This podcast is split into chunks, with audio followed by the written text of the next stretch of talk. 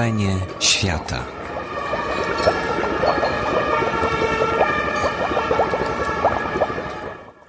Wiki Radio oraz Instytut Reportażu zapraszają do wysłuchania spotkania zarejestrowanego w faktycznym Domu Kultury przy ulicy Gałczyńskiego 12 w Warszawie 19 listopada 2015 roku.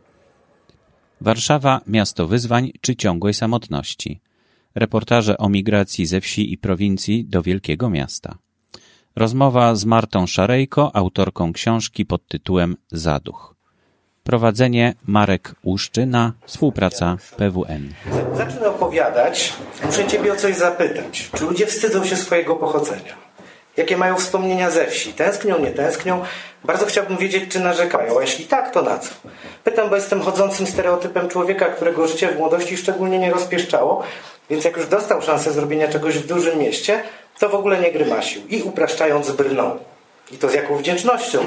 Ta wdzięczność, jak sądzę, wyraża moją osobowość. Jest większa niż tęsknota za wsią.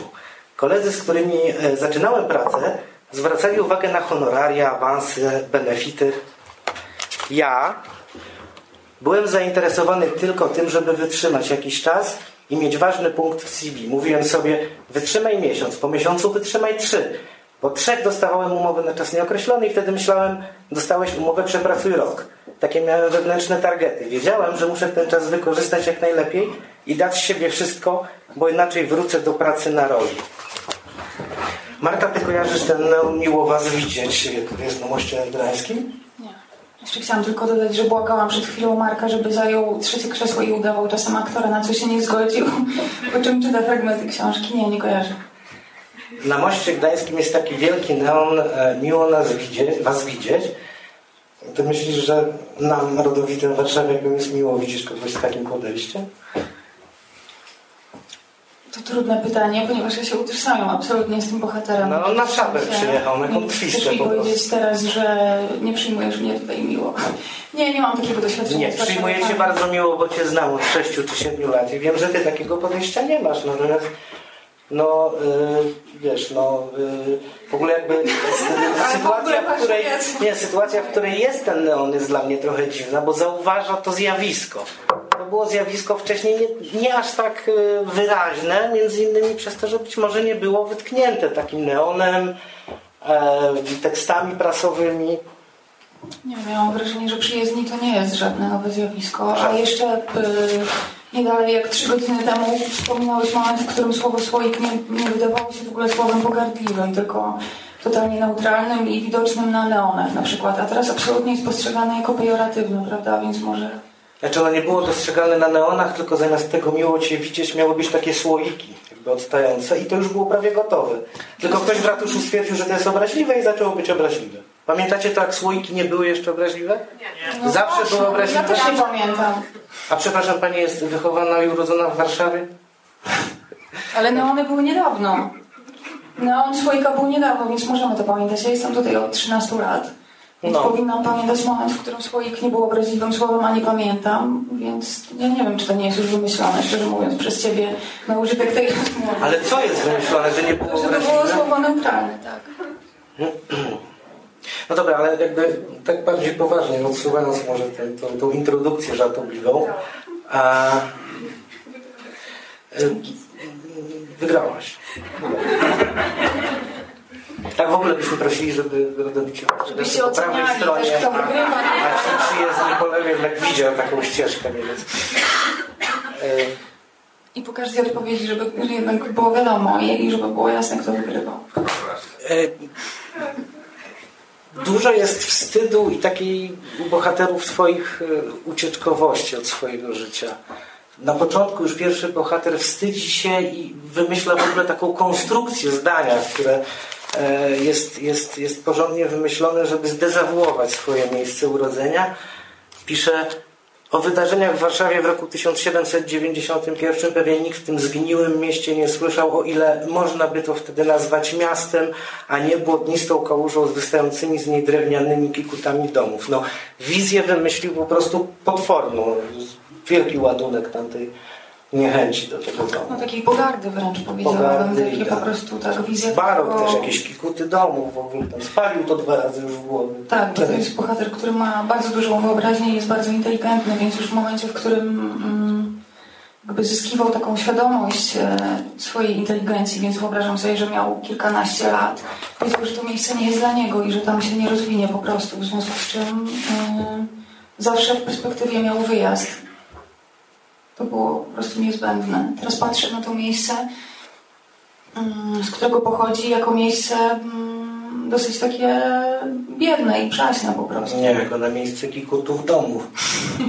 No tak, ale jednocześnie zaznacza, że nie może e, ujawnić nazwiska ani imienia, bo być może ktoś go rozpozna i że to będzie straszny wstyd, bo pamięć w małych miasteczkach sięga bardzo daleko. A zakłamanie jest skierowane bardziej do wspólnoty na zewnątrz, niż tak jak To jest w jedno z miastach moich spostrzeżeń w tej książce, takie, że e, osoby w dużych miastach e, chcą się czuć anonimowo, w związku z czym trochę jakby mm, są zakłamani w swojej własnej sferze, okłamują siebie. Natomiast w małych miasteczkach trzeba zakłami, zakłamywać rzeczywistość sąsiadów i ludzi wokół siebie, a nie siebie. I to, to jest dlatego- bardzo trafione moim zdaniem. To że dlatego tacy właśnie ludzie, którzy przyjeżdżają do Warszawy, zaczynają pracować, cenią anonimowość do tego stopnia, że nie odpowiadają dzień dobry. No Właśnie ja mam odwrotne doświadczenie. Nie, Na przykład mieszkania w bloku, w którym nikt się nie wita w windzie, a mieszkają tam głównie warszawiacy. Naprawdę? No dobra. Ja nie mam takich doświadczeń z warszawiakami, chociaż szczerze powiedziawszy nie pytam, więc może to też warszawiacy są. Okej. E, z- Powiedziałeś coś fantastycznego na samym początku, że jakby proces tego, że miasto, zwłaszcza Warszawa, jest miastem, do którego przyjeżdżają ludzie, jest nie nowy. W zasadzie trwa od 1945 roku w okresie międzywojennym tego raczej nie było. Warszawa była podzielona na klasy, te klasy były wyraźne. Po Wiśle, które jest w tej chwili w miarę luksusową dzielnicą, było dzielnicą biedy.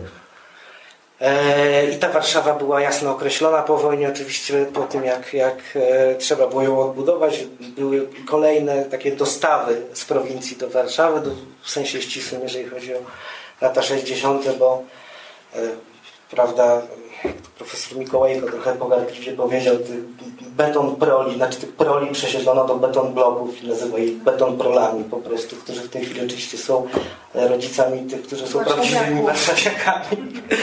tak, natomiast e, ten proces trwa i trwa i on po 89 roku tylko nabrał na szybkości, dlatego że wszyscy y, wielcy inwestorzy, wszystkie gigantyczne firmy upatrzyły sobie Warszawę jako to miejsce, nie tylko w Polsce, ale też w Europie Środkowej, e, jako, jako, jako, jako miejsce, miejsce. No i właściwie to jest naturalny proces. I, i, I tam w pewnym momencie y, jeden twój bohater, chciałem zapytać o to i powiedzieć też, że zapytać Cię, dlaczego- teraz to jest tak eksponowane być może. Być może znasz odpowiedź na to pytanie, bo, bo, bo, bo jest w pewnym miejscu Twojej książki opis, kiedy chłopak mówi, że poszedł z dziewczyną na łąkę i ona miała brudną szyję.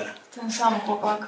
A w latach, tak, a w latach, nie wiem czy pamiętacie, e, inżynierowie z Petrobudowy, piosenkę Staszka Staszewskiego, e, w której on śpiewa e, pić życia rozkosz, a cóż nam to szkodzi, nawet PKS do nas dochodzi, a w zeszłe święta miałem kobietę, co miała obie nogi umyte. I to jest właśnie taki obraz prowincji lat 60. Okazuje się, że też 80 tak, czy 90.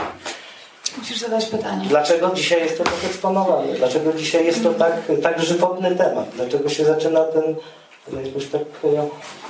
Obiecałam Markowi jakieś dwa tygodnie temu, że tego nie powiem, ale muszę to powiedzieć, że jestem po prostu y, sama żywo zaskoczona, że ten temat jeszcze działa, bo byłam pewna, że taka główna, jest to antyreklama książki. Jestem zaskoczona, że napisałem taką Byłam pewna, że, e, że główna fala dyskusji na temat e, jakby wstydu z powodu pochodzenia robocza nazywana przeze mnie nie wstydź się swojego chłopa. E, przytoczyła się jakieś dwa czy trzy lata temu i była dosyć taka mm, intensywna. Natomiast okazuje się, że to wciąż jest jakiś w ogóle mm, jakiś bardzo żywy temat, z którym się utożsamiają absolutnie wszyscy. Czy każdy w tym mieście jest w stanie, sta- w stanie stanąć po której stronie? I Nie ostatnio, mam pojęcia, dlaczego nagle to się stało w ciągu ostatnich lat. I ostatnio, być może dlatego, że słoik e, przestał być słowem neutralnym, a stał się pogardliwym. E, Być może dlatego, że powstał napis, którego nie widziałaś. Knajpa, słoik. Jedna, jedna z dziennikarek chciała się spotkać ze mną w knajpie słoik. Tak? Tak. E, ale jakby... Może myślałem, że jesteś od nas. Płynąc do brzegu. Chciałam powiedzieć, że ostatnio brałam udział w takiej dyskusji w krytyce politycznej o obrazach społecznych i było to dla mnie bardzo ciekawe, dlatego że e, profesor Domański napisał właśnie książkę pod e, enigmatycznym tytułem Czy są jeszcze w Polsce klasy społeczne? I już w pierwszym zdaniu udziela, udziela odpowiedzi, że owszem tak. Ciekawów. E, Słychać. I okazało się, że on jakby stworzył taką ten, niewiele grubsza od mojej. E, I okazało się, że jakby e, wszystkie jego teorie na temat klas społecznych teraz są jakby idealnie zilustrowane przez moje przykłady. Było to jakieś w ogóle wstrząsające doświadczenie dla mnie, zwłaszcza, że okazało się, że po prostu To nie, no to dobrą książkę napisał.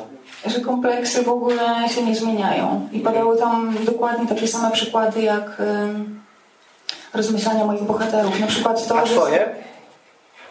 A moje- Rozmyślania twoje też? Bo jakby... Yy, Tak, tak, tak, tak. Nie ukrywam, że w większości że- bohaterów jest mnóstwo e, zdań, e, z którymi się utożsamiam po prostu. A powiesz jakie? Znaczy, bo pamiętam, że No, nigdy przykład- nie rozmawialiśmy o tym.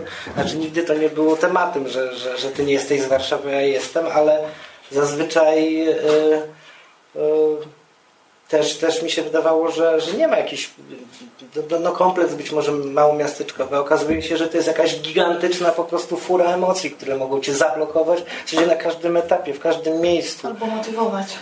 No więc, jak to jest? Budujesz niesamowitą dramaturgię tego spotkania. Po prostu nie jestem w stanie skończyć jednego wątku. Chciałabym jeszcze dokończyć ten motyw e, z profesorem Domańskim i z krasami. Bardzo szybko obiecuję.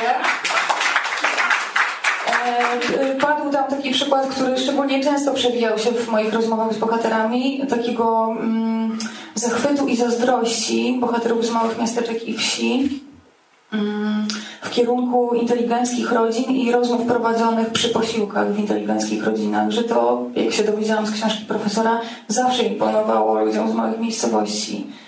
E, I wciąż trwa, a jeżeli chodzi o motywację czy też mm, blokowanie, no to ja absolutnie obserwuję większą motywację, tylko też ostatnio miałam taką myśl, że e, tutaj wprowadzę błyskawicznie taką krótką anegdotę, żeby Cię nie zanudzić, e, że jechałam kiedyś na początku studiów do domu z dworca zachodniego i zawsze na tym dworcu zachodnim drżałam, że spotkam osobę, e, którą tak trochę kojarzę, ale, nie zupełnie i będę musiała przez prawie 6 godzin z nią rozmawiać w autobusie, co było dla mnie dosyć nieznośną wizją.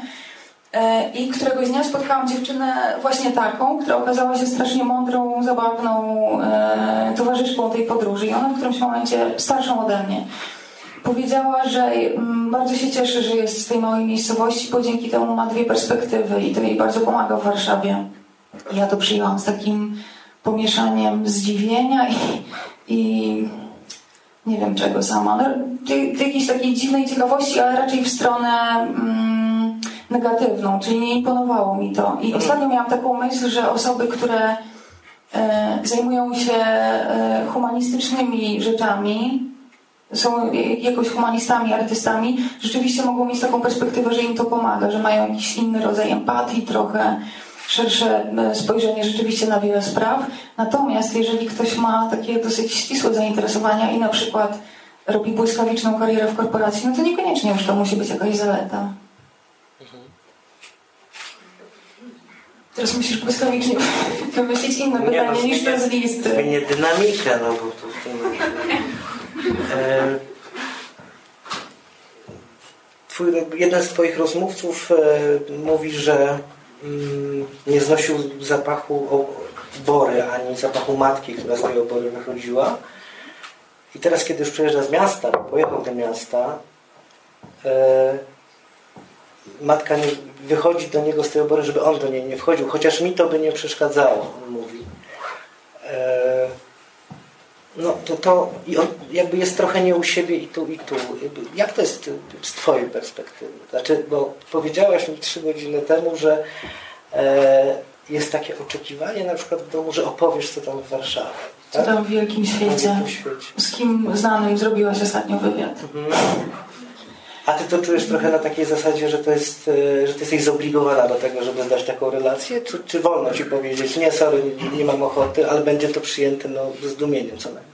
Ja nie czułam nigdy, znaczy, czy byłam na tyle asertywna zwykle jednak, y, że nie czułam, mm, nie odbierałam osobiście tego terroru. Pytań, z kim znanym robiłaś wywiad, albo kiedy weźmiesz ślub, albo wszystkie te jakby pytania, które słyszą osoby, które tam wracają, co nie znaczy, że jakby nie zauważam mm, tej potrzeby w osobach, które tam zostają, czyli całej mojej rodziny i garstki znajomych w takich momentach bardzo ważnych dla nich, czyli świątecznych, jakichś ważnych e, rytuałów. Jeden z bohaterów mówi dosyć wprost, że e, nie mógł sobie pozwolić na to, żeby tylko studiować mm, w Warszawie, że musiał bardzo szybko zacząć pracować e, i rozwijać inne sfery życia znacznie szybciej niż jego znajomi z Warszawy, dlatego że jego rodzice jakby domagali się tych tematów. On wiedział też, że jakby mm, sam musi się utrzymywać, y, sam musi brnąć do wszystkiego bez ich pomocy, w związku z czym to jest jakaś taka transakcja wymienna i że jego rodzice prowadzą takie rozmowy z rodziną, które nie mogą się opierać tylko na tym, że on po prostu studiuje, że to musi być jakiś nadbagaż w stylu studiuje i pracuje i robi wywiad ze znanymi ludźmi, albo studiuje, pracuje i yy, bierze ślub za dwa lata, więc szykujemy wesele, że to zawsze musi być jakiś taki naddatek, więc e, to, to też był jakiś tak przebijający się motyw wielości różnych rzeczy. Powiedz mi, jeśli się mylę, ale czy to jest tak, że mm, tak już mówiąc zupełnie serio, Warszawa jest tak dużym miastem, że nie poradziłabyś sobie tylko i wyłącznie rękami swoich mieszkańców i, e, jest niezbędne, żeby była cały czas zasilana. E, Powiedz mi, bo jakby jedną z kwestii, którą poruszają Twoi bohaterowie jest problem języka, że on stanowi źródło kompleksu. E, ten język jest bardzo ważny. Ja pamiętam, że jak jadę do Łodzi to i tam rozmawiam z różnymi ludźmi, tam znajomymi, to oni tam wrzucają, że tak, co prawda Łódź biedna, nie mówią co prawda Łódź biedna, ale jakby eksponują to, że jest to środek Polski jest to najczystsza polszczyzna tak naprawdę używana przez, przez łodzian, który w ogóle w Polsce występuje, no bo warszawiacy już mają swoje ślycznie, prawda, tam, y, a wszyscy mają jakieś tam swoje regionalizmy, więc, więc Łódź jakby tym się szczyci. Ten język jest bardzo ważny, dla jednego z Twoich bohaterów jest niezwykle, e, bohaterek, jest kom, kom, kom, kompleksem, tak? bo, bo, bo mówi dziennikarkom, tak? bo rzucam, nie, no nie ma to, no, ale rzucam, no coś tak wiesz. Że, bo ja znam ludzi, którzy mają na tym punkcie kompleksy. Które... Ja też jakby starałam się traktować ten język trochę bardziej metaforycznie w książce, czyli nie chodziło, nie chodziło mi o jakieś takie gwary, bo wydaje mi się, że to jednak już jest bardzo takie... Mm, no jest potraktowany metaforycznie, ale na samym początku nie jest potraktowany metaforycznie. Tego tak, ale bardzo szybko ona przechodzi do takiego problemu głębszego, czyli e, nie może sobie żartować pewnych rzeczy w domu, z których żartowałaby sobie w Warszawie i na odwrót. Nie śmieszą jej żarty na przykład jego ojca, homof jej ojca homofobiczne albo jakieś takie e, nie na miejscu według niej po prostu. A jeżeli chodzi o język, język nie metaforyczny, to na przykład według profesora Domańskiego to jest ostatnia rzecz, po której e, teraz można poznać e, osobę, które, która nie jest z Warszawy, czyli tylko to w pewnych sferach może nas zdradzić, na przykład inne? nie. A inne? Te, nie, inne się zacierają, czyli jeżeli idziesz nowym światem, to nie jesteś w stanie rozpoznać, kto jest z jakiej klasy. Przynajmniej, no, powiedzmy, że od średniej do wyższej nie rozpoznasz nikogo. Ciekaw jestem tej książki, bo myślałem, że klasa średnia to tylko jest takie coś, co jest... Yy kwestią tego, ile się ma, a nie jak się wygląda, bo przyjechał ten walec komunizmu i wyrównał. Że klasa średnia to wciąż po prostu aspiracje. A, kla, a, klasa wyższa to ci, co tam się zamykają na balach tych yy, debiutantów.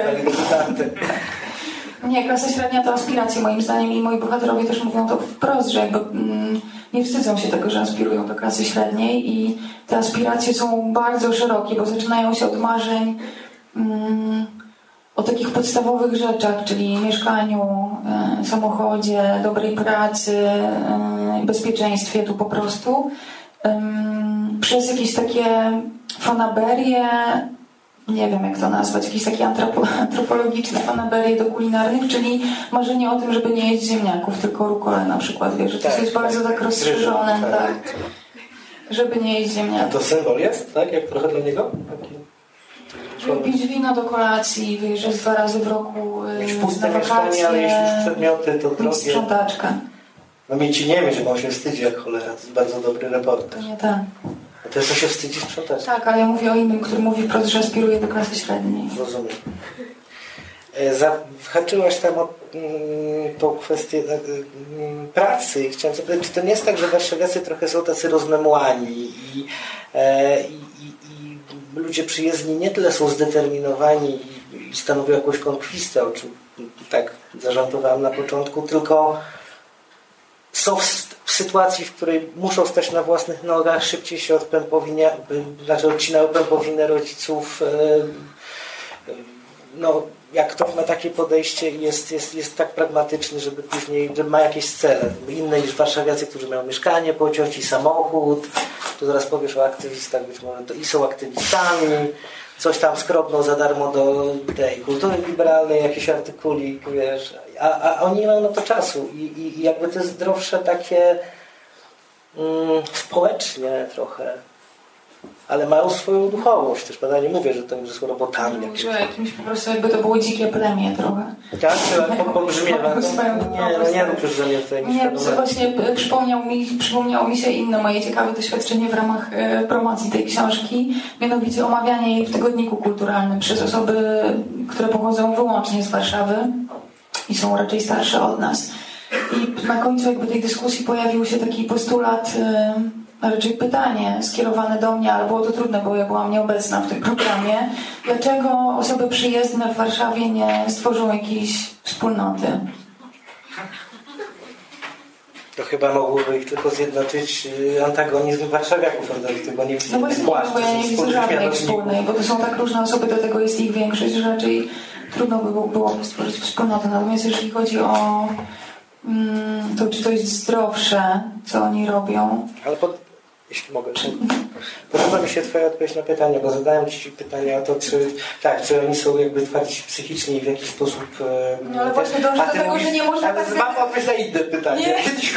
Nie, nie, nie, nie, właśnie dążę do tego, że nie można tak generalizować, że jakby wszyscy przyjezdni nagle w Warszawie powinni stworzyć jedną wspólnotę, albo wszyscy przyjezdni w Warszawie są twardzi, bardziej twardzi psychicznie. No, nie generalizuję, ale to musi mieć w jakiś sposób wpływ na zachowanie się człowieka i jego dojrzałość emocjonalną i jego mierzenie się z rzeczywistością i z codziennością, jeśli wie, że musi e, konsekwentnie pracować i być odpowiedzialny i, i nie ma żadnego zaplecza, a co innego, jeśli ma bardzo dużo rzeczy zapewnionych, no to jest naturalne i to zapewnionych w taki sposób, który właśnie nie motywuje. Ale jeszcze jakby brnąć w ten przykład, bo tu jest puenta przygotowana. E, po tym pytaniu, dlaczego oni nie tworzą wspólnoty, padła odpowiedź jednego z tych rozmówców, że po prostu nie mają czasu, bo bardzo dużo pracują. I to jest odpowiedź na wszystkie, gdyby tak zebrać w, jakieś podgrupy, wszystkie stereotypy na temat przyjezdnych, czyli to, że nie płacą podatków, robią korki wiecznie na ulicach, nie integrują się z osobami, które stąd są to okazuje się, że a, mój ulubiony oczywiście stereotyp, że nie są aktywistami społecznymi, to okazuje się, że oni, znaczy, że jakby są rozsądne odpowiedzi na ten temat, tylko że one bardzo rzadko padają. Czyli na przykład ja jestem przykładem osoby, która, na przykład jestem przykładem osoby, która bardzo długo nie płaciła tutaj podatków, ale nie dlatego, że czuję jakiś antagonizm i byłam dyskryminowana po prostu od 13 lat, tylko naprawdę miałam jakieś takie naiwne przekonanie bardzo długo, że mm, znacznie korzystniejsze będzie to, żeby moje pieniądze szły w bardzo biedne, objęte bezrobociem mm, miejsce. Co oczywiście jakby wiem, że to jest naiwne, ale no, to tyle, że... zwyciężało przez bardzo długi czas. No, tyle jest to naiwne, że rzeczywiście będąc niedawno blisko władzy samorządowej mogę powiedzieć, że jakby podatek zapłacony w Warszawie wzmocni Warszawę, które pociągnie cały region, a nawet więcej, natomiast podatek zapłacony w,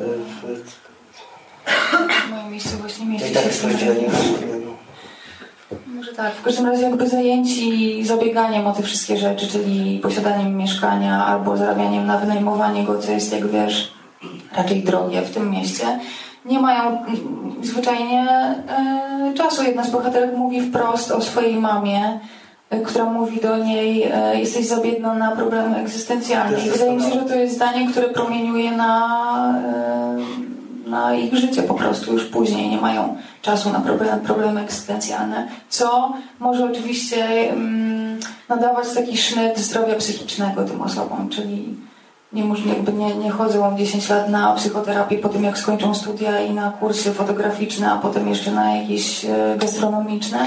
Ale wiesz, Natychmiast muszą brać się do pracy. No jest to jak, jak, jakoś tak e, duża generalizacja, ale... Nie no, to jest wylanie dziecka z, z kąpielą, no bo to jakby też nie zmierzam do tego, żeby to zdrowie i takie, ta, ta taka krzepkość polegała na tym, żeby oni twierdzili, twierdzili że nie wiem, psychoterapia to jest wymysł New Age'owski na przykład. Tak. Coś takiego, no tylko żeby to jakoś, chodzi mi o to, że, że, że patrząc po swoich przyjaciołach i znajomych widzę taką tendencję też. A jak jest u Ciebie? Do tego, że są silniejsi. No zdecydowanie. No, zdecydowanie. Tak, no, jakby powiedziałam. Mniej podatni na nałogi, mniej jacyś tacy nie, niezorganizowani, mniej nie, oszczekujący, że coś tu się zdarzy. Pewnie nie, bo to demokratyczne jest. Natomiast y, jeżeli chodzi o inne kwestie życiowe. Mm, no ale to jakby wracam do tego samego ciągle, czyli że nie mają innego wyjścia. Muszą zarabiać, żeby się tu utrzymać. Jedyną jakby perspektywą i alternatywą jest to, że wrócą do tej małej miejscowości, do której nie chcą wrócić, nie mają co tam robić, nie chcą tam być po prostu. Nie ma tam ich przyjaciół, nie dogadują się często z rodziną, tracą język, tracą resztki jakiejś czułości do tych miejscowości. Bardzo rzadko... E... Czyli co? No nie wiem, no wiesz, jakby dwa przykłady w tej książce osób, które ewidentnie tęsknią za wsią. Mm, to, to są osoby, które mówią o tej tęsknocie w takiej perspektywie tęsknoty za przyrodą na przykład. Tak, tak, za krajem, Doliną Issy. No, no, za przyrodą, czyli nie za tym, żeby tam wrócić, pracować i żyć, tylko takie to jest bardzo melancholijno, romanty, romantyczna wizja po prostu, oderwana od rzeczywistości. Czyli to, to, to, to słabo jest, tak? Znaczy, spotykałeś ludzi, którzy już mieli zerwaną kotwicę, a tu mieli ostrą walkę tylko, tak? Za sobą jeszcze przed sobą perspektywę... Można by tak obrazowo ująć, tak.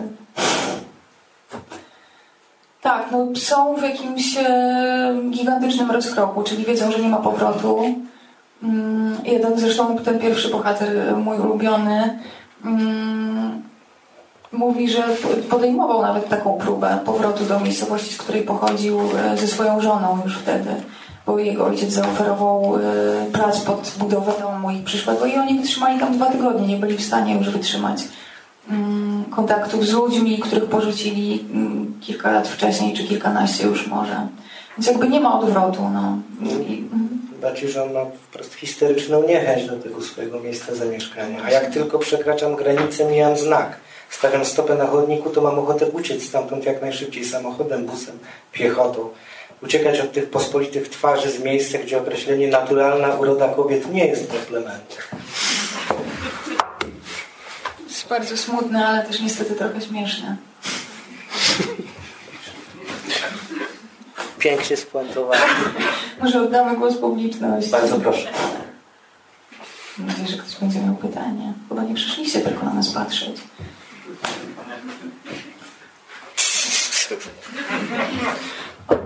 O.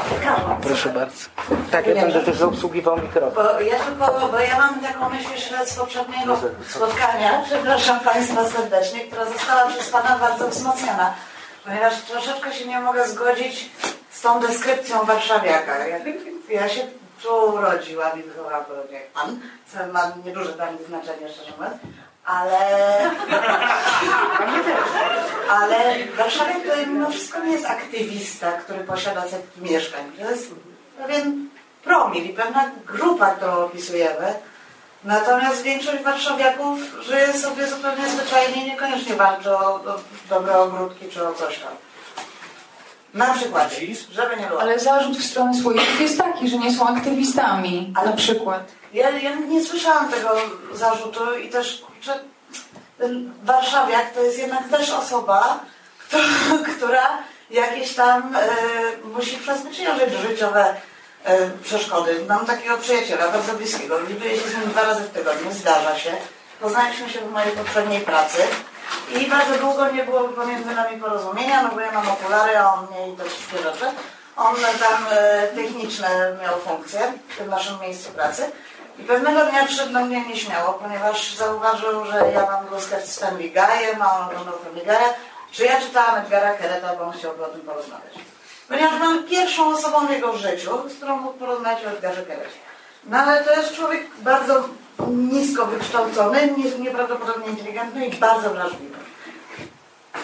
W tej chwili mieszka z dziewczyną od roku, której ja przypominam, znając go wiele lat i spotykając się z nim tak często, na oczy nie widziałam, ponieważ ja wiem, że on się jej wstydzi przede mną.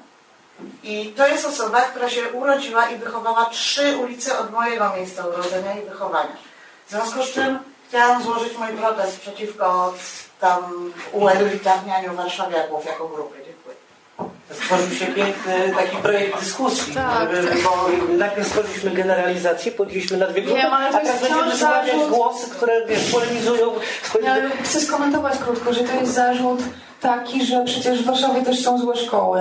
Jak ja mówię, że na przykład chodziłam do beznadziejnej szkoły, nie, ale trochę, jednak tutaj wiesz. możesz sobie zmienić tą szkołę po prostu, natomiast tam nie za bardzo. No. nie dlaczego?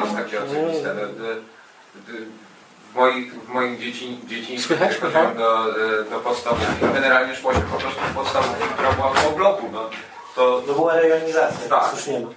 Rejonizacja jakoś nie brzmi w ogóle najlepiej.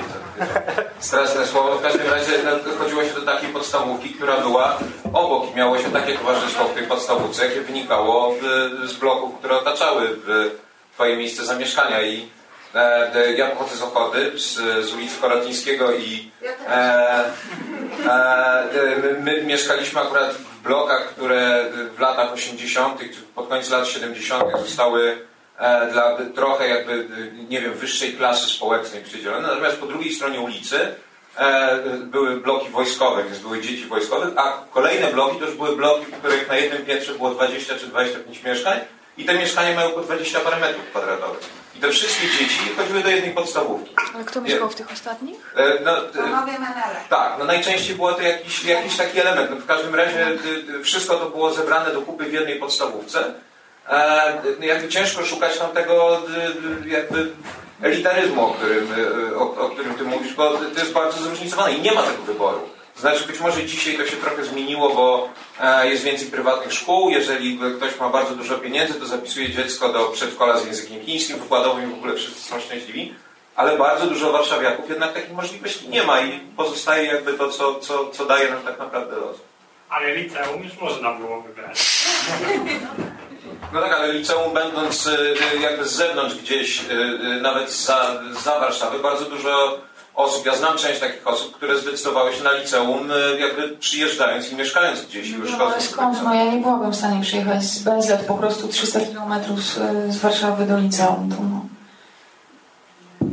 To jest tak, że ja się posłużyłam przykładem, żeby tylko powiedzieć, że są takie miejsca w Polsce, w których nikt cię do kereta nie zachęci nigdy w życiu, ale są też takie miejsca w Warszawie, gdzie za czytanie kereta można dostać w dziób. Po prostu. Gdzie? No właśnie. No nie, no ale zaraz, chwileczkę. Ktoś się rodzi w, to, w towarzystwie z- samych Siedzibie bonusów. w Wielku Narodowym. No ale to zaraz, no, poczekajcie, no ale jesteście sobie takim gościem, który dorasta na podwórku z jakimiś kolegami na jednym trzepaku, tak? I są określone reguły w tej grupie i tam dopiero czytanie książek jest obciachem, bo się wyróżniasz i jesteś No ale nie lepszy. dostaniesz w mordę za to jednak. Możesz w ukryciu czytać tego kareta. No to przeczytał w ukryciu. Myślę, że po to. Przepraszam. Nie, nie, Trwam? Bo ja już nie. Pamiętacie takie liceum Królowej Jadwigi, którym straszono? Się nie dostaniesz do swojego, pójdziesz do Królowej Jadwigi. Przepraszam. Czy są pytania? Pan ma mikrofon, tak proszę. Tak, e, dziękując bardzo, bardzo za książkę najpierw, chciałem spytać o coś takiego. Mm, bo jakby niekontrowersyjne jest, że podziały klasowe istnieją również w Warszawie. Myślę, że tutaj nie ma specjalnie sporu e, między, między państwem. Natomiast zastanawiam się, czy powinniśmy pozostawać w ciągu, dalej w ciągu tej dyskusji w takim sprawozdawczym tonie, mm, przyjmując te warunki mm, podziału między centrum a peryferiami, który przebiega również przez Warszawę jako dane yy, i zastanawiając się, kto w tej sytuacji ma gorzej lub kto, mm, wykazu, kto się lepiej do niej dostosowuje. To znaczy uznajemy, że sama sytuacja jest niezmienna i możemy się zastanawiać, czy słoiki, czy warszawiacy są, adaptują się lepiej i co, e, zwłaszcza to jest pytanie do Marty, co byś powiedziała o takich tendencjach, które niewątpliwie mają miejsce do pewnej decentralizacji, czy, czy myślenia o decentralizacji Polski? Na poziomie politycznym mówię o tym, że są w końcu chwyciły pomysły, żeby część urzędów centralnych przenieść poza Warszawę, tak jak w Niemczech, w wielu innych krajach Europy, ale mówię też o takim poziomie trochę bardziej mikro. Jakby sam znam bardzo wielu ludzi, którzy żyją rzeczywiście trochę pół na pół, ale niekoniecznie to jest dla nich tylko obciążenie. Jakby działają na przykład, mm, mm, działają w Warszawie, pracują w Warszawie, a jednocześnie próbują działać w swojej małej miejscowości y, i, i, i działają tam trochę z wolnej stopy. I co, myśl, co myślisz jakby o, o takim sposobie przekształcania tych rela- relacji między centrum a, a peryferiami? Też nie chciałabym, żeby wynikało, z, mam nadzieję, że tak się nie dzieje, z mojej książki to, że wszyscy absolutnie wstydzą się tego, że są ze wsi. E, Raczej by starałam się stworzyć jakiś taki mm, dosyć subtelny obraz stanu ducha tych osób e, z małych miejscowości, które, jak mam, miałam takie wrażenie przynajmniej, uważają, że pochodzenie to żadna duma, żaden wstyd, ale e, mają w związku z tym pochodzeniem różne myśli oraz uczucia, prawda? Że to nie jest jakby tylko skrajna pogarda i wstyd. Natomiast nie chciałabym e, też udawać, że jestem jakąś ekspertką teraz e, socjolożką, która zna się absolutnie na wsi, bo też nie o to zupełnie mi chodziło. Raczej chciałam mm, pokazać stan ducha tych osób, więc nie, nie będę się wypowiadała e, na temat decentralizacji, bo po prostu nie jestem ekspertką. Więc nie będę się siliła na udawanie mądrości. Chciałem jedną, jedną rzecz y, dodać. Wydaje mi się, że te osoby, które przyjeżdżają do Warszawy też nie są taką y, jedną skonsolidowaną grupą. To znaczy, to nie jest tak, że warszawiacy to jest ta jakaś jedna klasa, powiedzmy umownie, że to jest wyższa średnia jakaś, która jest lepiej wykształcona, ma dostęp do mieszkań po ciotkach i tak dalej, a przyjeżdżają tutaj osoby, które muszą walczyć po prostu od zera. To, to jest też trochę zakłamany obraz, bo Wystarczy pojechać na przykład na, na parking e, uczelni Koźmińskiego, gdzie bardzo dużo osób jest przyjezdnych, które przyjeżdżają z małych miasteczek, z, e, z, ze średniej wielkości miasta, ale też czasami ze wsi.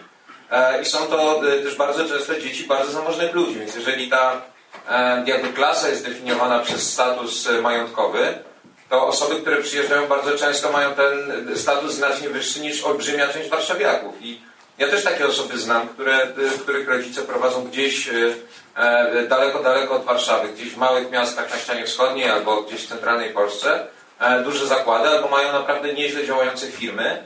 E, I jakby te dzieci zostały skazane na to, na to, o czym rozmawialiśmy, czyli na jedną podstawówkę, na jakieś liceum, tak, i one chodziły do tych, do tych szkół, bo trochę nie było innego wyboru, ale przyjeżdżając tutaj do Warszawy, one już na, na poziomie majątkowym są na bardzo wysokiej stopie. Tylko taki adwocem do... Chciałam zaznaczyć, ale też jakby aspekt finansowy nie jest chyba jedynym, który należy brać pod uwagę, jeżeli się mówi o jakiejkolwiek klasie społecznej. Wchodzą tutaj jakby tak ważne rzeczy jak wyżyczone aspiracje, e, wykształcenie, e, wyobrażenie o swojej przyszłości i tak że to nie jest kwestia tylko pieniędzy. Natomiast czy e, jest znacznie więcej takich osób bogatych z innych miejscowości niż warszawiaków? Nie mam pojęcia, jakie są badania na ten temat. Ja znam i moje środowisko jest takie, że po prostu znam osoby, które musiały tutaj budować wszystko od początku. Bardzo często nie dostawały jakby, wiesz, pieniędzy nawet na studia tutaj, więc pracowały od pierwszego roku, że to jest większość, którą znam. Nie znam zbyt wielu bogaczy z małych miejscowości, na przykład z południa. Nie, to na pewno nie jest większe. Znaczy, Chodzi mi o to, że ta grupa nie jest, że to nie jest jeden, że to nie jest po prostu jeden blok osób, które są, y, które są biedniejsze jednoznacznie i te osoby, które tutaj są mają lepiej. To, to jednak jest bardzo wszystko wymieszane i, i nie jest to takie... No ale ja też pokazuję spojrzenie osób ze wsi, a nie obiektywne spojrzenie, wiesz, swoje, po prostu jakieś takie e, trzecioosobowe, które miesza socjologię, bycie ekspertem od wsi plus e, spojrzenie osób ze wsi. Skupiam się tylko na tym ostatnim, a oni mają taką właśnie perspektywę, że mają znacznie gorzej. No tak, ale jest to też subiektywny wybór tych postaci, więc No to są oczywiście. bardzo wrażliwe osoby, które e, jakby zaciekawiły Ciebie czymś, albo w ogóle w ich życiu działo się na tyle coś ciekawego, że, e, że postanowiłaś to opisać, więc to też nie jest tak, że to są jakby wybrane osoby, y, które reprezentują wieś, no one nie są reprezentatywną taką grupą, bo e, łączy je coś, ale jest to przede wszystkim wrażliwość no i jakaś chęć wypowiedzenia się o ich, e, nie wiem, czy kompleksach, czy problemach, czy o... Tak, ale ja też- Reprezentatywność w znaczeniu jakimś socjologicznym. Tak, tak. No, ale ja też jakby to nie był to mój cel, żeby znaleźć reprezentację wsi, tylko e, e, rzeczywiście by było, jest jakby było takie ryzyko, że wpadnę w taką pułapkę, ponieważ sama jestem jedną z tych bohaterek i to jest bardzo trudna sytuacja dla reportera. E, bo w momencie, w którym jest zupełnie na zewnątrz i poznaje zupełnie nowy temat, zadaje inne pytania i wchodzi, jakby może wprowadzać czytelnika z taką samą ciekawością, jaką sam wchodzi mm, w to, o czym się dowiaduje. Ja w ogóle tego nie miałam. Bardzo szybko się zorientowałam, że jest to upiorne dosyć. E, I dodatkowo upiorne jest to, że to jest ciągle ta sama historia. Że muszę znaleźć jakiś taki wytrych, który pozwoli mi spojrzeć na 16 razy opowiedzianą tę samą historię z, z zupełnie różnych perspektyw.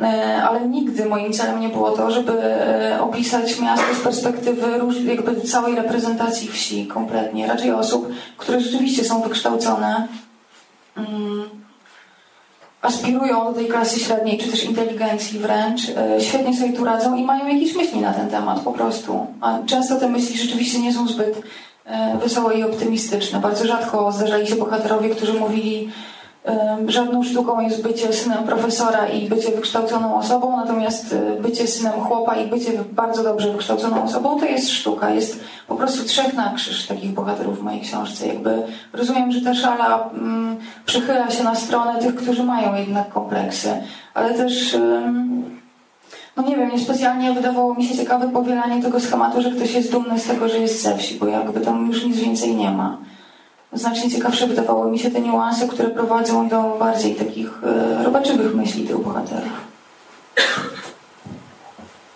E, dzień dobry, ja się nazywam Oskar Skutelli i chciałem powiedzieć, że po pierwsze bardzo mi się podoba ta książka, bo tak z perspektywy, ja jestem warszawiakiem i z mojej perspektywy, no to to jest po prostu fajne, bo to otwiera mnie na jakieś doświadczenie, które, które chyba jest obecne wokół i może o którym mało wiem po prostu i to, to jest bardzo fajne. E, a po drugie chciałem się podzielić taką myślą i zapytać, e, że ja mam takie doświadczenie, że kilka razy przypominam sobie taką, tak właśnie czytając tę książkę myślałem o tym. Nie skończyłem jej zresztą, od do połowy przeczytałem. E, nie zdążyłem. Że miałem takie, takie doświadczenie, że poznając osoby, które E, właśnie sobie uświadomiłem czytając to, poznając osoby, które pochodzą ze wsi i które jakby miałem wrażenie, że poznając je, one okazują mi pewnego rodzaju aspiracji, że ja, czy moja grupa społeczna jest też w pewnym sensie obiektem tych aspiracji. Ja czułem bardzo głębokie zawstydzenie. Reagowałem na to i teraz to sobie uświadomiłem w taki dziwny sposób, że próbowałem jakby dezawuować obiekty tych e, tych aspiracji. Nie wiem jak to powiedzieć, no powiedzmy, wyobraźmy sobie jakiś przykład, że obiektem tej aspiracji jest, no nie wiem, pełna biblioteka w domu, czy coś w tym stylu, czy jakaś rodzina wykształcona. I ja, ja próbowałem powiedzieć coś takiego, że, że nie, przestań, to, to nie jest ważne, ja w ogóle tym gardzę w jakiś sposób. Jakoś reagowałem obronnie i wydawało mi się, jak to robiłem, to chyba sobie, nie, nie, nie, nie uświadamiałem sobie tego tak jasno, ale chyba mi się wydawało, że ja robię coś dobrego, w tym sensie, że ja e, no jakby pokazuję, nie, nie, ty jesteś okej, okay, to nie jest takie ważne, bo mnie to nic to nie daje. Ale teraz, czytając to, zacząłem się zastanawiać, że to nie był rodzaj agresji, że ja atakując te aspiracje, Jednocześnie jakby mówiłem coś takiego, nawet te twoje aspiracje to ci nic nie dadzą. To znaczy zastanawiam się jak, jak czy to nie mogło być nawet, ja nie myślałem oczywiście, ale czy nawet te aspiracje twoje są głupie, tak? Są nic nie warte. E, I czy to nie mogło być tak odebrane? Oczywiście tego w ten sposób tak o tym nie myślałem. Zastanawiam się, czy to, no i to jest pytanie do autorki, czy, czy coś takiego się kiedyś zdarzyło, żeby ktoś w ten sposób zareagował i czy... Nie tak na szybko próbuję sobie wyobrazić siebie w tej sytuacji. E, moglibyśmy teraz to zagrać na rolę na przykład. Boże, jak zazdroszczę ci tej biblioteki. Ale, ale nie, no to, wydaje mi się, że to obśmianie nie jest takim najgorszą techniką. Nie ja, ja połowy tych książek nie czytałem, to po pierwsze. Po drugie, z tego co czytałem, to, to niewiele wyciągnąłem.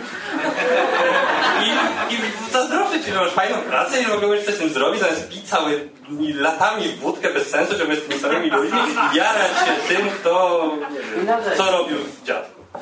Nie miałam sytuacji odwrotne. Zresztą e, jedna z nich pada w tej książce, e, takie, że na przykład Mm, przyjmowałam gości ze studiów podczas studiów kulturoznawczych i oni e, zawsze dosyć żywo dziwili się, że nie mam żadnych starych książek. Co wydaje mi się dużo, jakby dużo większym brakiem delikatności niż twoja żywa reakcja i ja, ja właśnie, pogarda. To jest, tak, to jest ten przykład, bo mi się zdarzyło po prostu mieć jakiś powiedzmy romans, w którym, w którym usłyszałem, usłyszałem coś takiego, ale masz dużo książek. I ja to, ale masz dużo książek, ja to czułem bardzo wszystkie, mocno. Ty wszystkie przeczytałeś jeszcze później. No tak, no to pewnie tak, może tak, ale no, nie, nieważne, chociaż 10%, to nigdy nie przeczytałem 10%. E, procent. E, chodzi mi tylko o to, że, e, że ja to odbierałem jako taki, jako taki ja na to reagowałem obronnie, że mówiłem, to nie jest tak wiele warte. To nie jest moja biblioteka. Już jest wyczerpany ten temat, ale... Nie, chcę cię pocieszyć, że ta reakcja nie była taka straszna moim zdaniem, że dużo gorzej, gdybyś mówił, Boże, dlaczego nie masz w ogóle starych książek. Nie, nie, nie zapraszali mnie do mieszkania. Nie zahaczamy o to. Naprawdę? Straszne, może ty ich wcześniej nie zapraszało, ci tak się rozdzięczali. Czy można też sprecyzować tylko, żeby ułatwić, może Marcie odpowiedź na to pytanie nie na takim socjologicznym poziomie, tylko na poziomie mikro. E, Bo wspomniałaś, to było bardzo ciekawe, o tych strategiach radzenia sobie i wymieniłaś obśmiewanie przed chwilką. I czy e, obśmiewanie, na przykład ta scenka, prawda? To jest strategia jakiegoś radzenia sobie z problemem, o którym Pan powiedział. Obśmianie tego, wygranie tego w tej chwili. I czy y, z doświadczenia tych rozmów mogłabyś albo to rozwinąć, albo powiedzieć o innych strategiach, bo mówiliśmy o tym, dlaczego jest ciężko, a o strategiach, które ludzie, o takie istnieją, które ludzie wyciągają, żeby sobie z tym poradzić. Ale takim uznajesz, że ja jakby w tej sytuacji naprawdę poczułam się jakoś urażona i Nie, niekoniecznie, tylko, strategię. tylko chodzi mi po prostu o to, że jakby na tu jest, du, dużo się śmiejemy dosyć tutaj, jak padają na przykład... No y, bo to jest zabawne, To to jest- jest straszne, trochę zabawne. Moim zdaniem nie możemy tworzyć jakiejś takiej upiornej e, martyrologii nie, nie, antagonizmu, nie. wiesz, że po prostu chłop i pan, który podcina mu pęciny. Nie chcę bardzo takiej Ale narracji. mi bardziej chodzi o taki... Koniowi się pęciny. o, o taki wrę- wręcz w drugą stronę, prawda? Jakby, że ludzie sobie z tą sytuacją radzą. Interesuje mnie jak.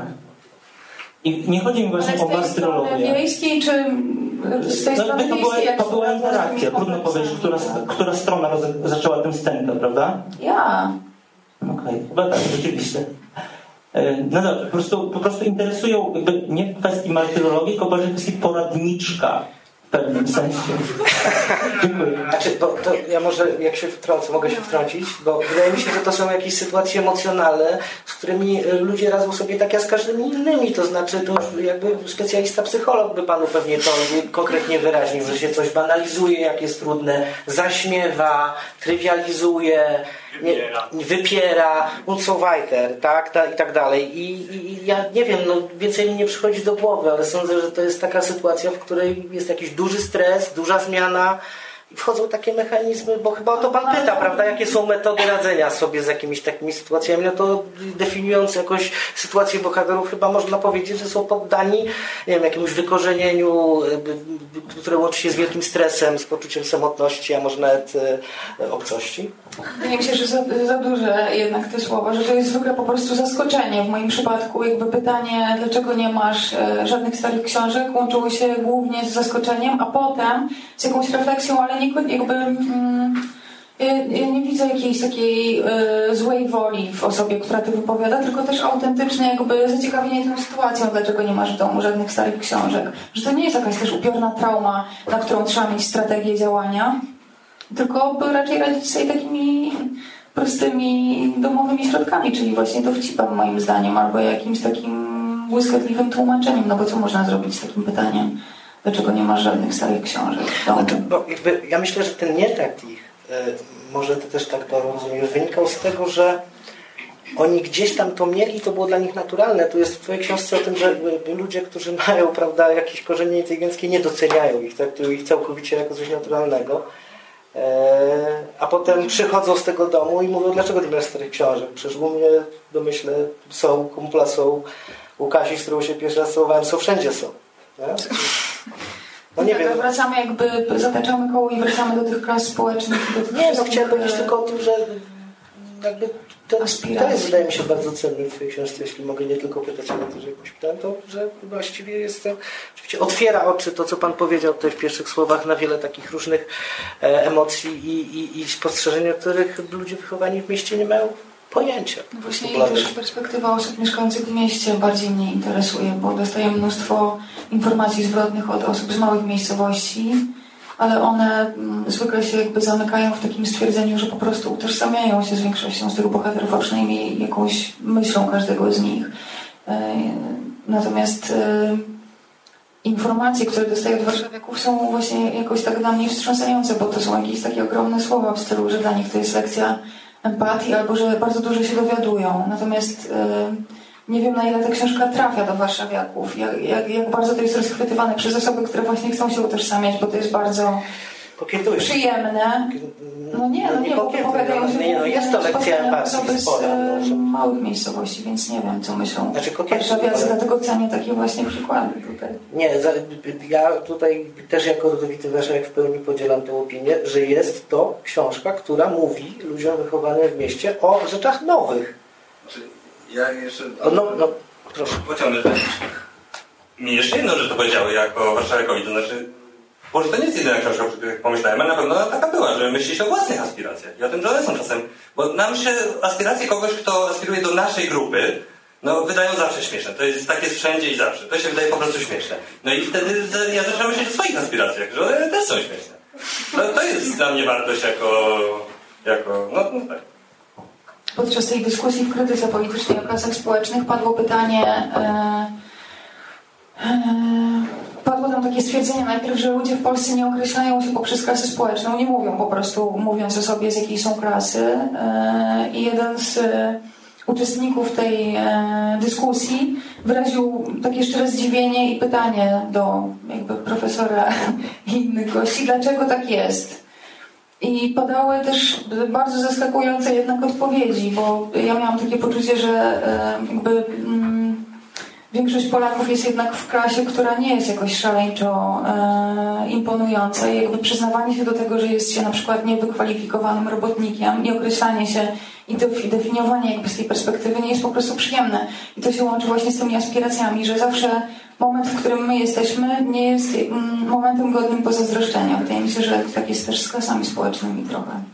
Że jak już jesteś, to też się łączy z tym, co mówiłeś przed chwilą, czyli jak już jesteś w tej klasie średniej, to jednak chciałbyś jeszcze trochę podskoczyć, więc nie cieszysz się z tego, że już nie Ja mam problem z tymi klasami, to ja tego tak nie dzielę. Jak ty mówisz klasy społeczne, to od razu przypomina mi się, jak się poprztykał e, Demirski w TVN z e, Żebrowski. z Żebrowskim e, i Demirski mu nie wiedział jak go ukryć, jak go zaatakować, że robi teatr dla pieniędzy i mówił, pan jest z jakiej klasy społecznej, a pan? I tak powiedział, a pan jest z jakiej klasy społecznej, pan jest z jakiej klasy społecznej? Bardzo- ja jestem do średniolicznej, a pan wyższej. Jakby to no, użył Demirski tego argumentu jako coś w ogóle pejoratywnego, że on jest z wyższej klasy, poprzez jakieś chyba, nie wiem, na jakiej podstawie tam te kryteriów majątkowe No, chyba obaj byli tak samo absurdalni w tej dyskusji. Ale o aspiracjach można mówić bez pojęcia klasy zupełnie. No, ale w klasach mówią często osoby, które Aspirują. potrzebują, potrzebują po prostu, potrzebują jakiejś takiej definicji tych klas. No to więc Ja mam wrażenie, że wiele osób nie zwraca na to uwagi, bo jakby jest, no, nie, nie, nie patrzy ani w górę, ani, ani w dół i te aspiracje nie sprowadzają się do wskoczenia na jakiś kolejny level, tylko, e, tylko po prostu e, są. No, I ktoś ich informuje nagle, że, że jest jakaś klasa, tak jak mówisz o Demiskim właśnie. I, e, e, że, że są jakieś takie klasy, ale, ale to jest sztuczne no, w, jakimś, w jakimś sensie. Ja mam przynajmniej takie poczucie, że dla mnie jest to wymyślone. Wszyscy są potrzebni. Po prostu. Ale w ogóle posługiwanie się pojęciem klasem, to wiadomo, przede wszystkim klasizm wprowadzał swego czasu w tym nieszczęsnym kraju. Ja mam takie jeszcze e, e, głupie pytanie. E, czy mogłabyś rozwinąć tytuł zadług? Bo ja Cię nigdy o to nie zapytałem, a, a e, teraz sobie tak myślę, że właściwie nie wiem skąd się e, Macia wziął ten tytuł i czy, czy, czy mogłabyś jakoś rozwinąć w powiązaniu z tymi Twoimi bohaterami? No to nie jest niestety jakieś szaleńcze tajemnicze i skomplikowane. Po prostu e, no nie jest też jakąś taką szaloną i wybitną metaforą niestety. Bo. Jest to, jest to dosyć dosłowne e, i pada chyba już w pierwszym rozdziale, czyli e, jakby patrząc z perspektywy moich bohaterów, którzy bardzo chcieli się rozwijać w różnych kierunkach, czyli nie wiem, jest chłopak, który bardzo chciał trenować MMA, ale nie miał gdzie w małym miasteczku. Dziewczyna, która od zawsze nie wiadomo dlaczego interesowała się teatrem, ale najbliższy teatr był 70 km od jej miejscowości i to niezbyt dobry, więc właściwie do momentu, w którym nie przyjechała do Warszawy na studia teatrologiczne, nie była w teatrze. E, no jakby mnóstwo osób, które wiedziały, że e, dziewczyna, która boi się e, seksu, bo boi się, że wpadnie i zostanie już w tej miejscowości. Na bardzo różne sfery to się przekłada. Po prostu w jakimś sensie się duszą w tych małych miejscowościach, ale też no, niezbyt wesołą informacją jest to, że w, przyjeżdżając do dużego miasta wpadają w trochę inny rodzaj zaduchu, właśnie związany z tymi aspiracjami i z jakąś taką przedziwną ochotą na więcej, więcej i więcej. Ale raczej trzymałabym się tego pierwotnego zaduchu z mojej miejscowości, czyli tej dosyć prymitywnej metafory. Jakby powodu ich ucieczki, tak? Bardziej niż... y, A, bo ja myślałam, że tu jest zaruch na przykład. Na to wszystko, jak to wszystko się odwraca. Prawda? Niesamowite. A są tam takie figury mocne, które z tego pochodzenia zrobiły siłę, bo wydaje mi się, że tylko wspomnieliście Deniskiego, ale Monika Strzemka jest takim totalnym przykładem, prawda, zbudowania takiego wizerunku na tej takiej sile i w sensie merytorycznym, i jakby osobowościowym i tak dalej, i tak dalej. Tak się zastanawiam, poza tymi ludźmi, którzy ten kompleks gdzieś mają, na przykład takie figury, które jakoś to przekraczają, wykraczają poza ten stereotyp, czy tam Marta. Na przykład ja, plus e, zawodnik MMA, e, plus e, jest jeszcze jeden e, taki bardzo zdolny matematyk, który dosyć wprost mówi, że e, czy jakby e, Tak by tak e, tak, tak, dosyć e, konsekwentnie przeradza to w swoją ogromną siłę, ale trochę nie wiem, jak z bardzo spektakularnej postaci oczekujesz. Czy zawodnik MMA jest wystarczającą osobą, czy niekoniecznie? Czy wiesz co, ja się zastanawiam tylko nad tym, czy ten podział i to powielanie tych metafor, które od początku o tych słoikach rozmawiamy, czy to trochę nie utrwala pewnego. Właśnie tak, tak. Ja chciała się też pozbyć tego bardzo antagonizmu. Dlatego właśnie podkreślam, że nie, jakby nie, nie chcę być w tej szufladzie słoików. Poczekaj, i bo to nie chodzi o antagonizm do końca, prawda? Czy... No trochę chodzi o takie stereotypy. Nie, no w ogóle, Żebyśmy się dogadali. To wynika z bezradności opisu pewnie tego, co się dzieje. Dynamika jest tak duża i te osobowości jednak tak, znaczy to bardzo szybko się zmienia chyba. I to te słoiki są takim bezradnym, jedyną bezradną próbą e, jakiegoś opisu tego, co się dzieje w Warszawie społecznie teraz. Mnie to już trochę nu nuży to się już trochę jakby zużyło. Więc znaczy mnie ciekawi najbardziej te, te pojedyncze losy, jak to ludzie indywidualnie rozwiązują i czy umieją z tego zrobić jakby zaletę z tej motywacji, czy z tego miejsca pochodzenia, czy to raczej ściąga w dół. I rozumiem, że Ty to badasz i rozmawiamy dużo o tych aspektach dołujących, a wydaje mi się, że to jednak jest bardzo ciekawe jako też paliwo rozwojowe. Pewnie w tym jest też siła. Ja nie, ja nie wiem, czy to jakiś herosów, ale akurat Monika na przykład, no, no wiecie, no ona jakby wymiata w środ- w środowisku jakby na przykład reżyserskim, tak? Ma niesłychaną jakby energię i ona czerpie tę energię, jak sama zresztą mówi, także z tego, że, że jest tego jakby dumna, czy, czy też jakby fascynuje ją to pochodzenie, tak? Znaczy to, to nie jest wyparcie, to jest coś odwrotnego, to jest jakby właśnie takie sięgnięcie do tego mocno. I myślę, że to są też ciekawe figury dzisiaj, kiedy chyba wsz- wszyscy mamy jakieś tam pochodzenie i możemy z tego wszyscy czerpać. Nikt nie powinien być wykluczony tylko dlatego, że prawda jest ze wsi czy z miasta. Tak, ale wydaje mi się, że to dotyczy e,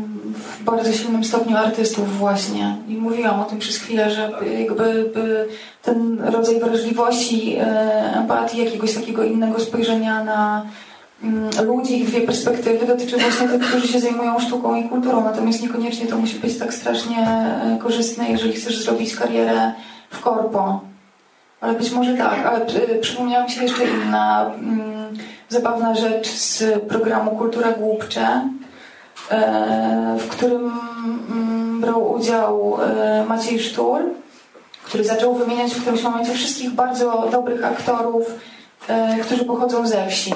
Na przykład mówi tak, że no na przykład Magdalena Cielecka, przecież proszę bardzo, pochodzi ze wsi, Robert Więckiewicz. I Mimo naprawdę, to- I naprawdę e, są w stanie wyjść z klasą z wielu różnych sytuacji.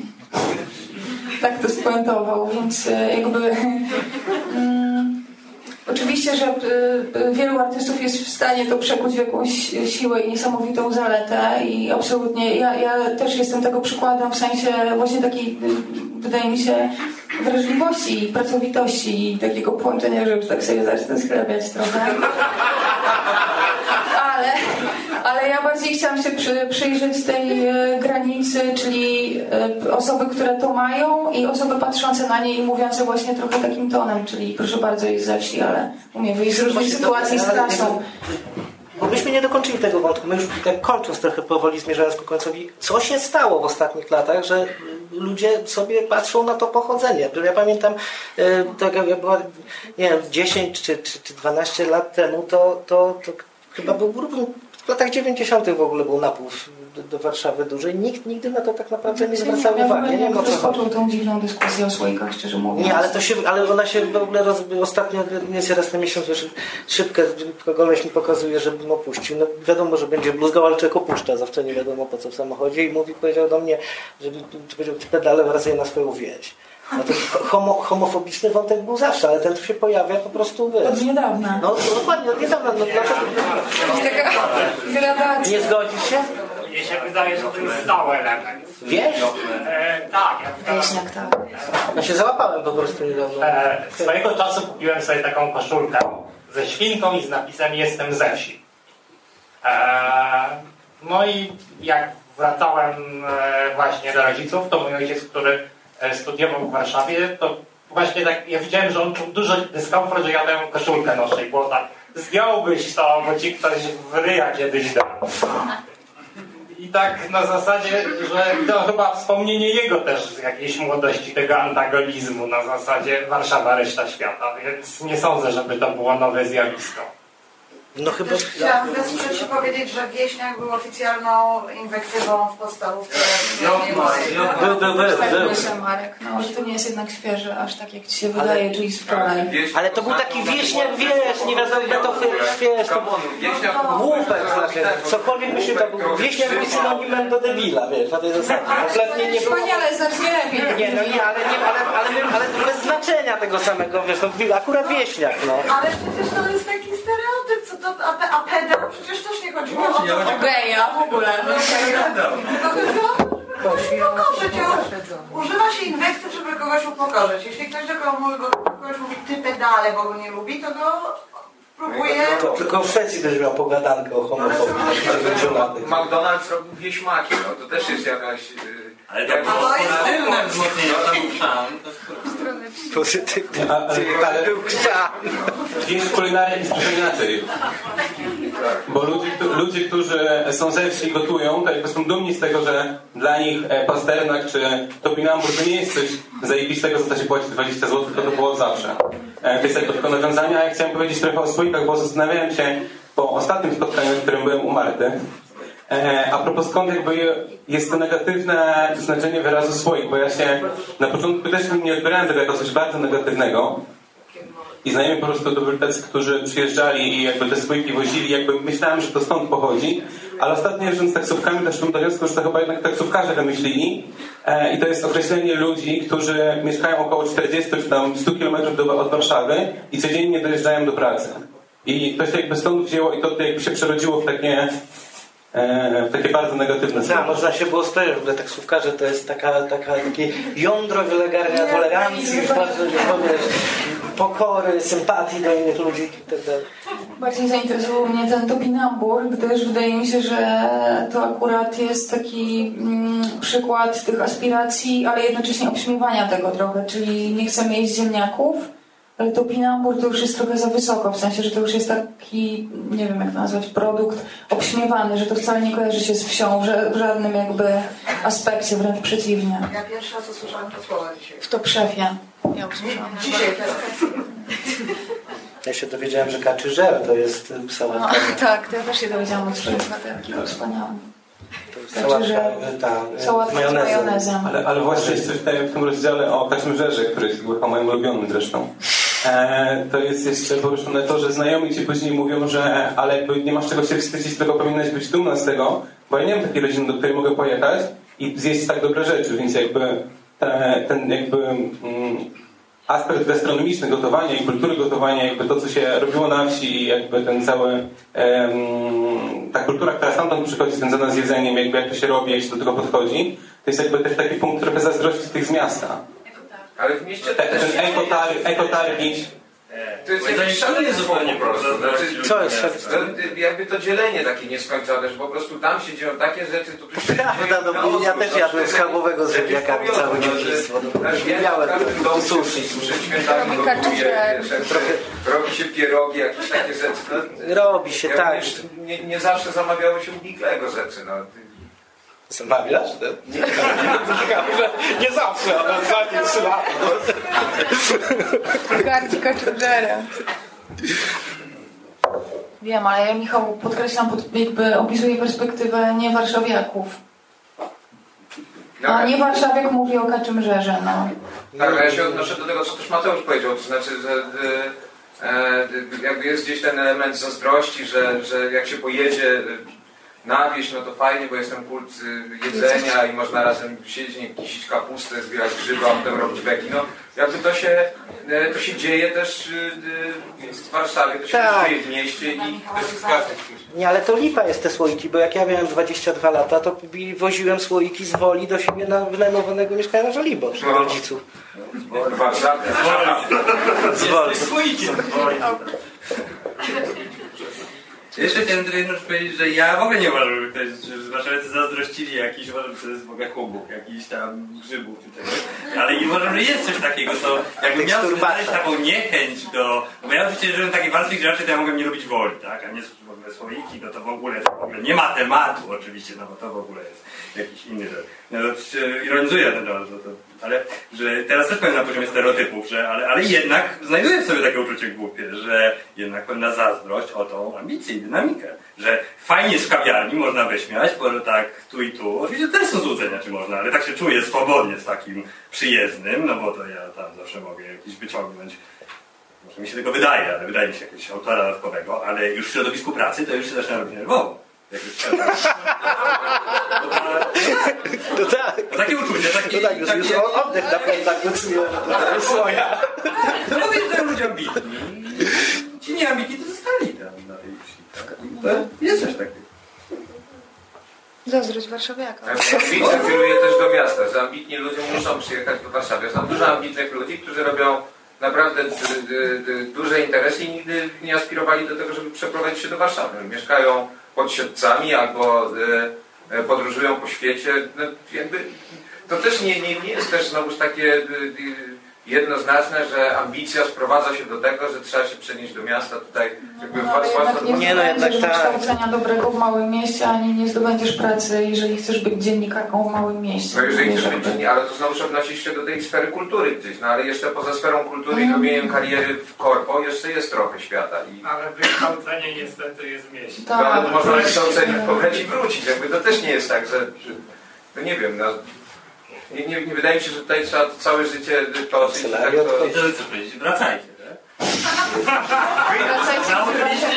tak? Gru was było widzieć. Dla, dla wielu gmin to by było na pewno jakieś wartościowe, bo mają tak kolosalny odpływ i, i, to bardzo smutne. No właśnie, co akurat jest antyprzykładem na to, co Tak, mówisz. Na tak, przykład żaden z moich znajomych nie został w tej mikromiejscowości, żeby rozwijać jakiś biznes albo cokolwiek robić właśnie tam. To jest trochę kwestia tego, żeby zostać tam, trzeba sobie to miejsce pracy stworzyć. Tak. Tak, tak, tak, pewno. Ale to też jest ambicja jakaś. Znaczy, też nie pozbawiajmy ludzi, którzy zostają tam, nie pozbawiajmy ich ambicji. Znaczy. Bo na przykład może chcą najlepiej na świecie hodować krowy, a nie kurna No tak, przede wszystkim. No tak, ale to jest takiego trochę moim zdaniem jakiś w ogóle ilustracja z literatury, nie? Czy są jeszcze jakieś pytania? Ja mam jeszcze pytanie, wstępujące do pana Oskara mam pytanie. E, zainteresowała mnie ta historia tej dziewczyny, pytając jak książki. Chciałam zapytać, jak się zakończył ten romans. Tak szerzej, a tak szerzej, e, ciekawe jest to, że, w- że w tym pierwszym odruchu, że w tym pierwszym odruchu jakby chciałeś najwyraźniej sprawić, żeby ta osoba poczuła się lepiej.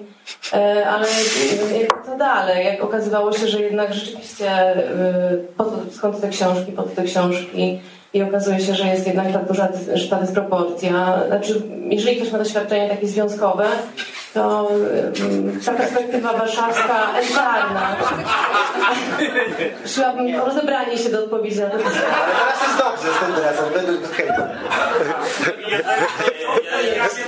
Ja spróbuję e, ominąć wszystkie łatwe żarty, które się e, nas- nasuwają i odpowiedzieć szczerze. Wydaje mi się, że to jakiś kłopot, że to jest kłopot, że to jest takie poczucie czegoś, co jakby niezasłużonej niczym pozycji, że być obiektem aspiracji, nawet jest to dyskrympująca pozycja i w ogóle, no nie wiem, nie, nie sądzę, żeby ktoś ktoś, nikt tego nie chce. Ludzie chcą, żeby grupa, do której oni aspirują, do ich akceptowała. To jest przyjemne. Ja wiem, ale ja pytam o co innego. Ja pytam o to, czy O ten konkretny związek. tą pierwszą, przechodzimy tą pierwszą warstwę i jednak widzisz te braki u tej osoby i nigdy nie poczułeś jakiegoś, nie wiem, na przykład znaczy nie wiem, czy byłeś w takim związku, ale jeśli byłeś, czy poczułeś zażenowanie, albo Nie. byłeś w domu takiej osoby i miałeś jakieś uczucia. Tak, jeżeli ja mógł coś e, wnieść, bo to jest jakby bardzo osobiste, tak? To znaczy, no ja nie, ja jakby raczej byłem dumny, że mogę coś może pokazać, że mogę dać jakąś... Czasami, no bo czasem tak jest, że można coś dać, no jeżeli... Ale nie, no nie, nie, nie, nie, nie, nie miałem takiego poczucia, nie, raczej nie, nie mam nic, nie, nie umiem tego dać mądrej odpowiedzi, bo wydaje mi się, że wszystko, co powiem, będzie bardzo osobiste i bardzo związane z tą konkretną sytuacją, więc muszę... Ale my nie jesteśmy pruderyjni, także... Dwa dni. A taki Pigmalion był... może Marek coś. Dziękuję. Nie śmieliła Justyna już. Widzę, przepraszam. Wychodź.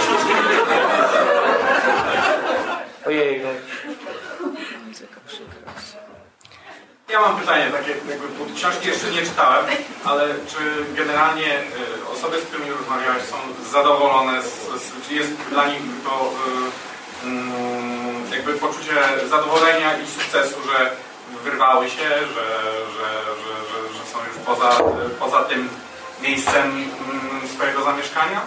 Że uważają, uważają to za swój sukces? Tak, zdecydowanie, ale to nie oznacza, że jakby nie mają pewnego bagażu mniej wesołych myśli. Ale wydaje mi się, że już odpowiedziałam trochę na to pytanie, czy też nie. Są raczej tak, że oni jakoś starają się iść tropem e, pochodzenie ze wsi to żadna duma, żaden wstyd, a jednocześnie borykają się z różnymi kompleksami, ale jedno jeszcze jakby z trzeciej strony nie wyobrażają sobie siebie na wsi, w związku z czym oczywiście, że się cieszą, że są tu ostatecznie.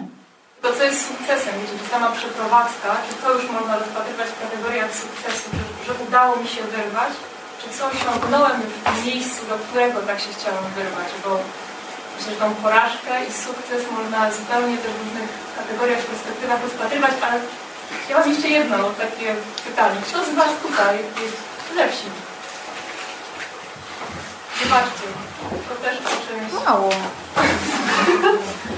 To też byłam bardzo tego ciekawa, bo zakładałam, że um, mniejszość osób tutaj zgromadzonych jest ze wsi. Pytaliście, Michał pytał, dlaczego się pytamy tylko o wieś na przykład? Właśnie miasto 20-50 tysięcy jeszcze wyśmieć. Proszę bardzo. 50 100, sorry. Ja chciałam jeszcze nie. Jest różnica między w miejscowości W sensie przyjezdni może nazwijmy to po prostu, bo przyjezdni są. A przyjezdni z Wrocławia, czyli są na przykład. Teraz musisz prowadzić. Co? Po lewej warszawiacy. A już był. A, Michał w którymś momencie e, powiedział e, o kulturze. Dlaczego e, Marta dużo wspominała o, o tym, że ten jakby, że ktoś, nie wiem, może dowartościowuje się, ale że ta aspiracja do pewnego poziomu ja to nazwę kulturalnego, to jest tak bardzo nieskładnie ujęte zdanie, bo zobaczcie, że jeżeli ktoś nawet osiągnie sukces e, finansowy, ale jeżeli jest to świetny hodowca krów, to jego prestiż, o ile nie skończy, wiecie, Oxfordu, nie będzie tak wysoki, jak prestiż świetnego menedżera, znaczy świetnego, jak, e, prestiż dobrego menedżera, wystarczy po Jagiellonce, tak? I jego, załóżmy, finanse będą w gorszym stanie, tak? Ale jego sukces będzie, wiecie, bardziej wartościowy. Ale to czym to mierzysz, bo w swoim środowisku on będzie super doceniany. To jest jakby zderzanie dwóch różnych środowisk. Przykładanie nie tej miary nie tego... Różnego systemu bardzo ja rozumiem. Natomiast jeżeli ktoś... e, O, tak, robi się e,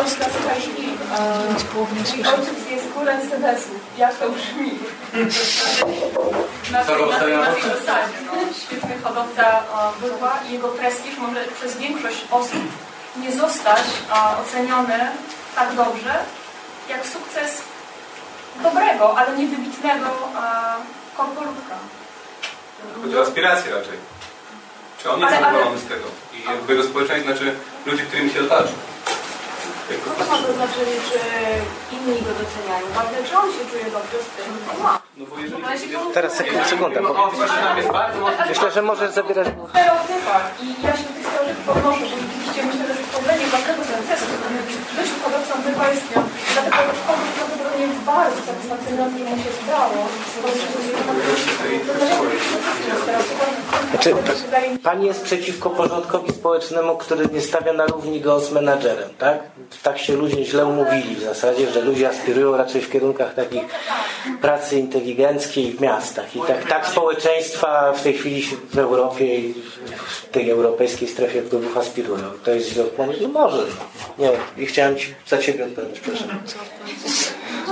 Właściwie Ja to pytanie o sukces no, zadałem nie bez, nie bez przyczyny, bo ja mam poczucie, ja w ogóle nie lubię podziałów. Podziałów na słoiki, na, na warszawiaków, a jeszcze ostatnio y, y, usłyszałem, że są, tak, słoiki są do 100 km, powyżej 100 km to są weki. Beki? Weki, takie wiesz, takie co się gotuje. Tak, no dzięki. Ja, ja jestem wekiem i teraz, y, jeżeli chodzi o Ja też jestem wekiem. poczucie sukcesu, czy w ogóle ten bagaż, to wszystko jest w głowie dla mnie. Nie lubię podziałów. Uważam, że e, tak jak odezwałem się, że wszyscy są potrzebni, tak? Nie wiem, tam o klasach rozmawialiśmy, robotnicy, nie robotnicy, pracownik fizyczny, pracownik e, umysłowy, jakiś. Wszyscy jesteśmy potrzebni, a wszystko e, jakby ta satysfakcja i poczucie zadowolenia to jest sprawa, do której wszyscy chyba dążą. I wszystko to, nie wiem, czy ktoś ma lepiej, czy gorzej, każdy ma jakąś historię. Zgadzam się. Można Tyle, no jest To to jest lepsza, bardzo- lepsza, gorsza, ale fajnie by było, jakbyśmy wszyscy rzeczywiście skupili się na rzeczach dobrych. Znakomita puenta dzisiejszego wieczoru. Wiem, że na pewno jest jeszcze wiele pytań, ale pozwolę sobie już w imieniu swoim, a przede wszystkim Marty podziękować Państwu i e, życzyć dobrego wieczoru. Dziękuję.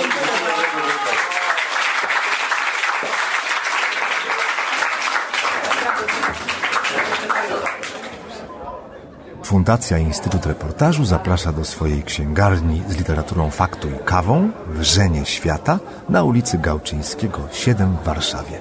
Wejście przez bramy Nowy Świat 48 i Nowy Świat 52. Podcast Wrzenie Świata jest nadawany przez Wiki Radio w ramach nieodpłatnej działalności statutowej Fundacji Otwórz się we współpracy z Fundacją Instytut Reportażu. Wszystkie nagrania można znaleźć na stronie wrzenie.podcasty.info, w iTunes i w katalogu polskich podcastów podcasty.info. Zapraszam do słuchania pozostałych podcastów Wikiradia. Można znaleźć je na stronie podcasty.info ukośnik Wikiradio.